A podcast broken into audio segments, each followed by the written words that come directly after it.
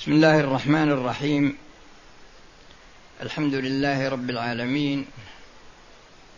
والصلاة والسلام على خير خلقه أجمعين. محمد وعلى إخوانه من الأنبياء والمرسلين. وعلى آله وأصحابه والتابعين ومن تبعهم بإحسان إلى يوم الدين. أما بعد فإن الكلام لا يزال متصلا على قوله جل وعلا إن هذا القرآن يهدي للتي هي أقوم ويبشر المؤمنين الذين يعملون الصالحات أن لهم اجرا كبيرا. وأن الذين لا يؤمنون بالآخرة أعتدنا لهم عذابا اليما. وقد تقدم الكلام على جملة من وجوه هداية القرآن. وآخر وجه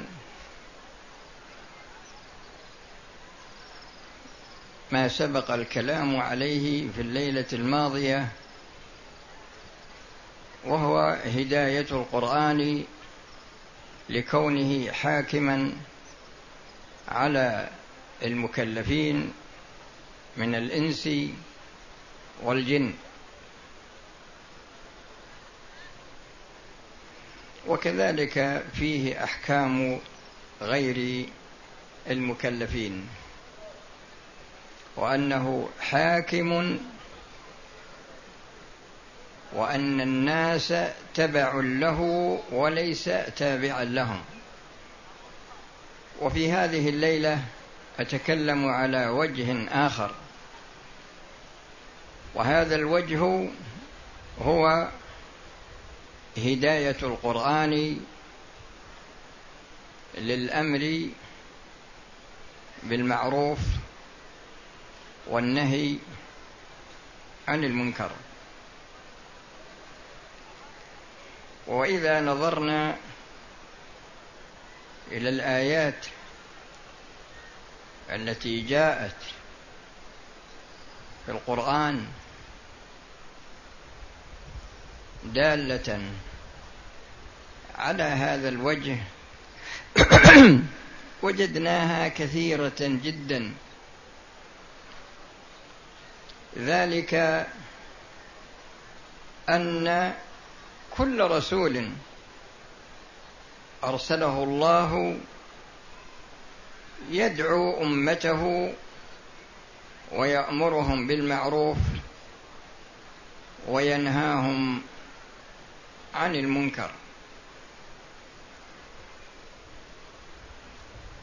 وآخر الرسل محمد صلى الله عليه وسلم وآخر الكتب القرآن. وقد قص الله علينا كثيرا من قصص الرسل وبين ما يأمرون به من المعروف وما ينهون به عن المنكر. ولكن الله سبحانه وتعالى جعل لهذه الأمة مزية. فقال جل وعلا كنتم خير أمة أخرجت للناس. كنتم خير أمة أخرجت للناس. يعني أن هذه الأمة هي خير الأمم من أولها إلى آخرها. كنتم خير أمة أخرجت للناس تأمرون بالمعروف وتنهون عن المنكر. هذه مزية من مزايا هذه الأمة فيما بينها. الرسل يأمرون بالمعروف وينهون عن المنكر. ولكن اسمعوا قول الله جل وعلا لعن الذين كفروا من بني إسرائيل. على لسان داود وعيسى بن مريم. ذلك بما عصوا وكانوا يعتدون. كانوا لا يتناهون عن منكر فعلوه. لبئس ما كانوا يفعلون. هذه صفة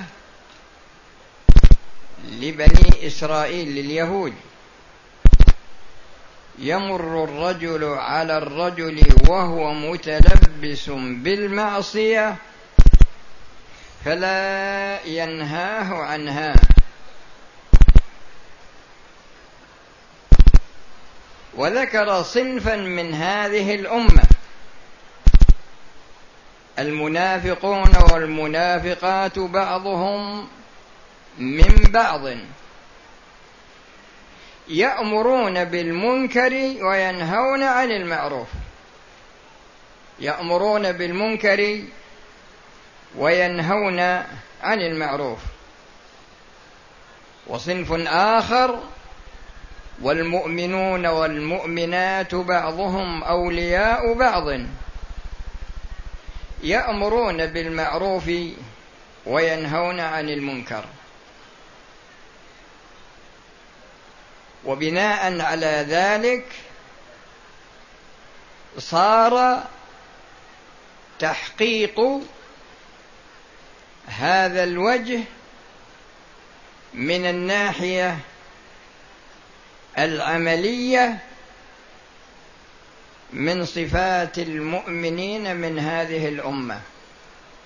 وهؤلاء المؤمنون الذين يأمرون بالمعروف وينهون عن المنكر هم المذكورون في قوله جل وعلا في سورة البقرة وكذلك جعلناكم أمة وسطا لتكونوا شهداء على الناس ويكون الرسول عليكم شهيدا.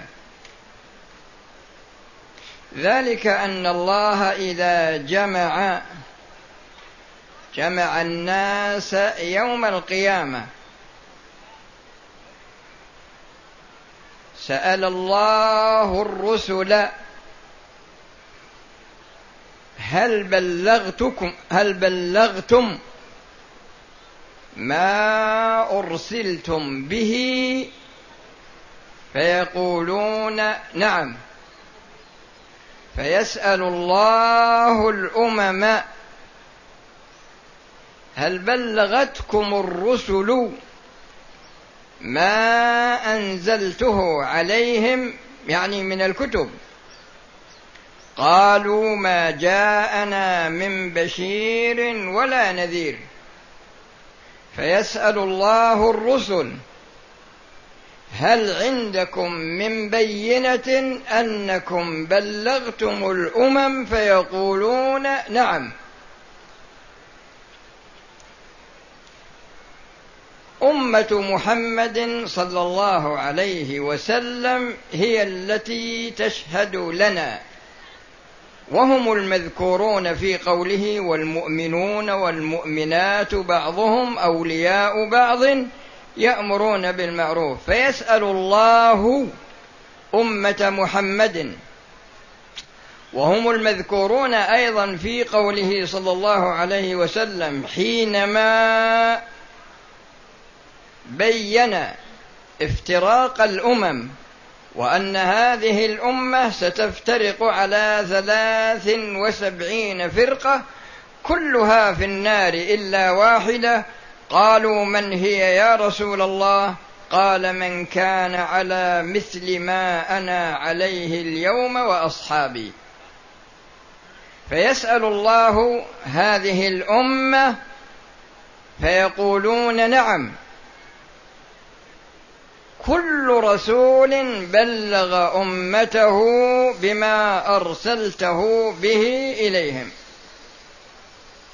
فيشهد الرسول صلى الله عليه وسلم على شهادة أمته وبذلك تقوم حجة الله جل وعلا على جميع الأمم.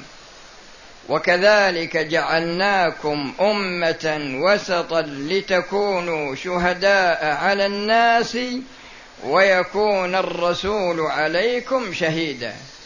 فيشهد الرسول صلى الله عليه وسلم على شهادتهم على أممهم وبهذا تقوم الحجة من الله جل وعلا على جميع الرسل تحقيقا على جميع الأمم تحقيقا لقوله جل وعلا في سورة الزمر وسيق الذين كفروا إلى جهنم زمرا حتى إذا جاءوها فتحت أبوابها وقال لهم خزنتها ألم يأتكم رسل منكم يتلون عليكم آيات ربكم وينذرونكم لقاء يومكم هذا؟ قالوا بلى ولكن حقت كلمة العذاب على الكافرين. قيل ادخلوا أبواب جهنم خالدين فيها فبئس مثوى المتكبرين.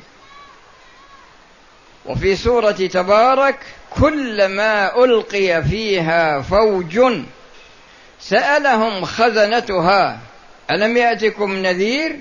قالوا بلى قد جاءنا نذير فكذبنا وقلنا ما نزل الله من شيء إن أنتم إلا في ضلال كبير وقالوا لو كنا نسمع أو نعقل ما كنا في أصحاب السعير فاعترفوا بذنبهم فسحقا لأصحاب السعير. وما وما كنا معذبين حتى نبعث رسولا. فلا فلا يدخل الله النار احدا. إلا وقد قامت عليه الحجة في الدنيا. إلا وقد قامت عليه الحجة في الدنيا. المقصود أن الأمر بالمعروف والنهي عن المنكر هدى إليه القرآن. وبين أن هذه الأمة هي خير الأمم لأنها لأن من خصائصها أو تقول لأن من صفاتها الأمر بالمعروف والنهي عن المنكر. وعلى هذا الأساس إذا نظرنا إلى الأمر بالمعروف والنهي عن المنكر وجدنا أنه يحتاج إلى آمر. والآمر يتجه إلى مأمور به إلى مأمور. والآمر يحتاج إلى زاد يتزود به للأمر به للأمر بالمعروف والنهي عن المنكر. ونتيجة تحصل يعني غاية تحصل من هذا العمل. ومعوقات تعوق عن هذا العمل. معوقات تعوق عن هذا العمل. وأمور تساعد الآمر بالمعروف والناهي عن المنكر للقيام بهذه المهمة. فإذا نظرنا إلى الآمر وجدنا أن الآمر تختلف مسؤوليته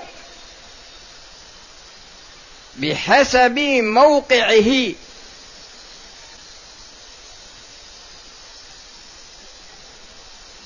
ولهذا الرسول صلى الله عليه وسلم قال من رأى منكم منكرا فليغيره بيده. والذي يغير باليد هو صاحب السلطان. والسلطان في كل موضع بحسبه. فالرجل في بيته هو صاحب السلطان عليه. هو صاحب السلطة. على اولا يبدأ بنفسه زوجته أبنائه بناته يعني من هو مسؤول عنهم داخل هذا البيت.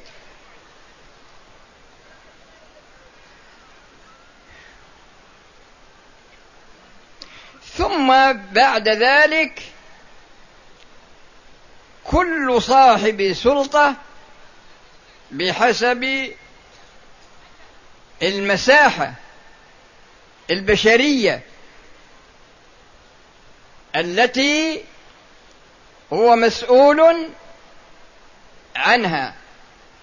كلكم راع وكلكم مسؤول عن رعيته فكل راع مأمور بالأمر بالمعروف والنهي عن المنكر بحسب رعيته.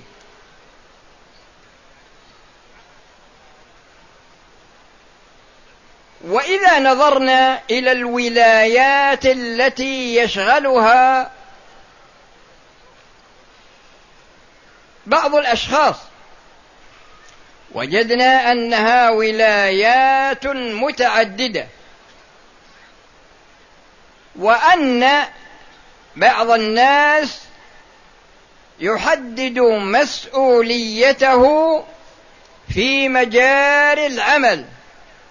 ولكن جميع الأمور التي تختص بالله جل وعلا من ترك واجب أو فعل محرم من هذا الشخص يقول هذا ليس من شأني. والله تعالى يقول إن الله يأمركم أن تؤدوا الأمانات إلى أهلها.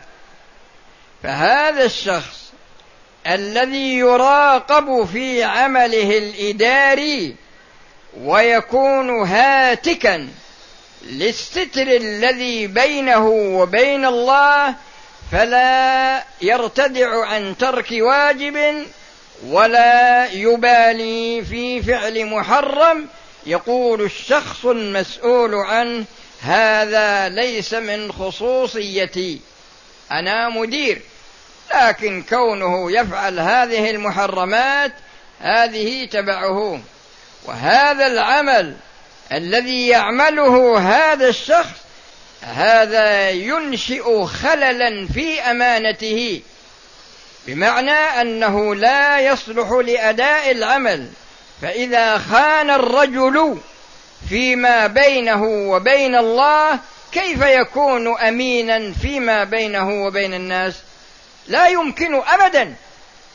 إنسان خان الله وخان رسوله وتريد منه أن يكون أمينا؟ لا. على هذا الأساس كل واحد من الناس مسؤول عن الأمر بالمعروف والنهي عن المنكر لكن كل شخص في حدود اختصاصه. لكن هذا الشخص الذي يريد أن يأمر بالمعروف وينهى عن المنكر يكون عالما بما يأمر به ويكون عالما بما ينهى عنه ويكون حكيما فيما يأمر به ويكون حكيما فيما ينهى عنه. لأنه إذا كان جاهلا فليس من أهل الأمر بالمعروف والنهي عن المنكر. لأن الرسول صلى الله عليه وسلم قال من رأى منكم منكرا فليغيره بيده فمن لم يستطع فبلسانه. هؤلاء هم أهل العلم. أولئك عندهم علم وعندهم قدرة سلطانية. لكن في طبقة ما عنده ما عنده قدرة سلطانية ليس له سلطان لكنه عنده علم. فيبين الحلال والحرام.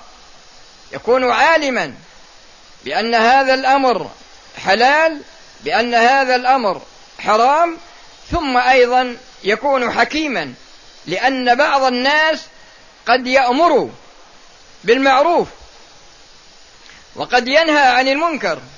ولكن يترتب على أمره ونهيه مفسدة أعظم من المصلحة التي يريدها. ولو كنت فظا غليظ القلب لانفضوا من حولك. فاعف عنهم واستغفر لهم وشاورهم في الأمر. فإذا كان الشخص حكيما بمعنى أنه يدرك الآثار التي ستترتب على أمره بالمعروف ونهيه عن المنكر. فإذا كانت هذه الآثار مصلحة محضة أو مصلحة راجحة مصلحة محضة أو مصلحة راجحة أو لا بد فيها من ارتكاب مفسدتين ولكن إحداهما أرجح من الأخرى أو أنهما متساويتان ولا بد من الارتكاب فإنه يختار منهما. وهكذا إذا كانت الم... إذا كانت ال... إذا إذا كانت المصلحة إذا تعارض مصلحتان عنده ورجحت إحداهما أخذ بالراجحة وترك المرجوحة. وإذا تساويتا عنده فإنه يخير ايهما شاء. لكن إذا كان الأمر بالمعروف والنهي عن المنكر سيرتب مفسدة محضة يعني ليست له مصلحة أو سيرتب مفسدة راجحة على المصلحة أو سيرتب مفسدة مساوية للمصلحة أو سيرتب مفسدة راجحة على مفسدة مرجوحة أو سيرتب مصلحة مرجوحة على مصلحة راجحة بمعنى أنه سيحصن مصلحة مرجوحة ولكن يفوت مصلحة راجحة ففي جميع هذه الأمور لا يأمر بالمعروف ولا ينهى عن المنكر. فلا بد من الشخص الذي يريد أن يأمر بالمعروف وينهى عن المنكر يكون عالما بما يأمر به عالم بما ينهى عنه حكيم فيما يأمر به حكيم فيما ينهى عنه.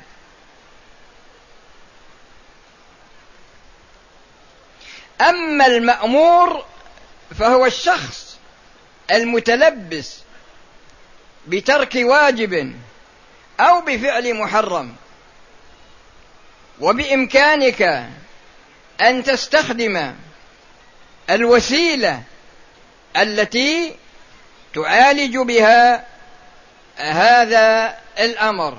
ذلك أنك أيها الآمر بالمعروف والناهي عن المنكر بمنزلة الطبيب والمأمور هذا بمنزلة المريض وأنت تحتاج إلى أن تعالجه.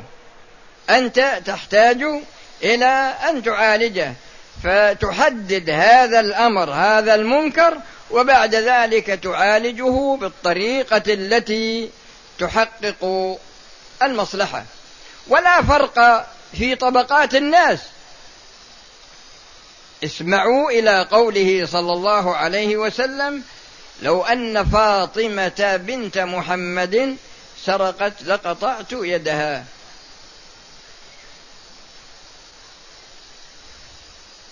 وإبراهيم حينما قال لأبيه وأعتزلكم وما تدعون من دون الله وأدعو ربي عسى ألا أكون بدعاء ربي شقيا. هذا أبوه ونوح حينما قال الله له حينما قال لربه إن ابني من أهلي وإن وعدك الحق وأنت أحكم الحاكمين. انظروا إلى إنكار الله عليه. قال يا نوح إنه ليس من أهلك. إنه عمل غير صالح. فلا تسألني ما ليس لك به علم. إني أعظك أن تكون من الجاهلين. هذا كلام الله لنوح عليه السلام في ابنه. فإذا أي شخص أي شخص ارتكب ترك واجب أو ارتكب فعل محرم فإنه يؤمر بالمعروف وينهى عن المنكر لكن بالشرط الذي ذكرته لكم سابقا وهو ألا يترتب على الأمر بالمعروف والنهي عن المنكر مفسدة أعظم من المصلحة أو مفسدة مساوية للمصلحة.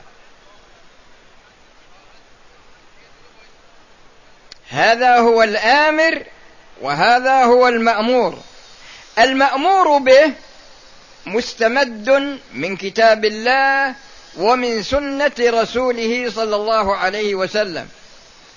لأننا إذا نظرنا الآن إلى كثير من البلدان وجدنا أن المعروف عندهم ما قرره القانون وأن المنكر عندهم ما خالف القانون وهذا القانون مخالف لكتاب الله ولسنة رسوله صلى الله عليه وسلم.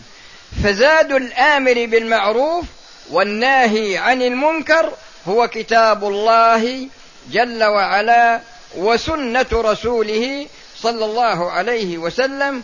وليست القوانين الموضوعة وليست أيضا العادات. لأن في لأن في بعض الجهات تكون عندهم عادات. ولكن هذه العادات تكون مخالفة لكتاب الله ولسنة رسوله صلى الله عليه وسلم. والعادة إذا خالفت القرآن أو خالفت السنة أو خالفت الإجماع أو خالفت القياس الصحيح أو خالفت القواعد العامة ومقاصد الشريعة فإن هذه العادة ليست يعني لا يجوز للشخص أن يعمل بها ولا يجوز للآمر بالمعروف والناهي عن المنكر أن يقرها. فتبين لنا من هذا أن الآمر بالمعروف والناهي عن المنكر يتزود من كتاب الله من كتاب الله ومن سنة رسوله صلى الله عليه وسلم. وإذا نظرنا إلى الغاية التي تحصل من الأمر بالمعروف والنهي عن المنكر. يقول الرسول صلى الله عليه وسلم لتأمرن بالمعروف ولتنهون عن المنكر أو ليضربن الله قلوب بعضكم ببعض فيلعنكم كما لعنهم. أنا ذكرت لكم لعن الذين كفروا من بني إسرائيل على لسان داود وعيسى بن مريم. ذلك بما عصوا وكانوا يعتدون. فيقول الرسول لهذه الأمة إذا تركتم الأمر بالمعروف والنهي عن المنكر لعنكم الله كما لعن بني إسرائيل.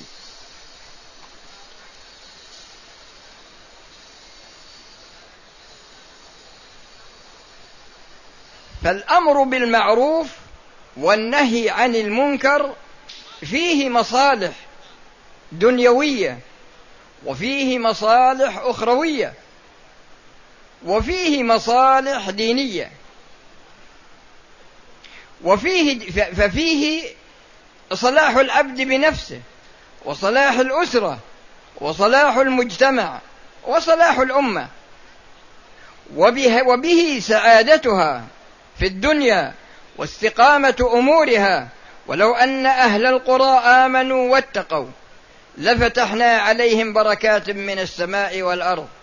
بركات السماء نزول المطر وبركات الأرض يأمرها الله بالإنبات ويصرف عنها يعني العوائق التي من شأنها أن تؤثر على هذا النبات فيظهر هذا النبات ظهورا طيبا وفيه خير عظيم. ويقول وما أصابكم من مصيبة فبما كسبت أيديكم. يعني من ترك واجب أو فعل محرم وترك الواجب هذا منكر وفعل المحرم هذا منكر.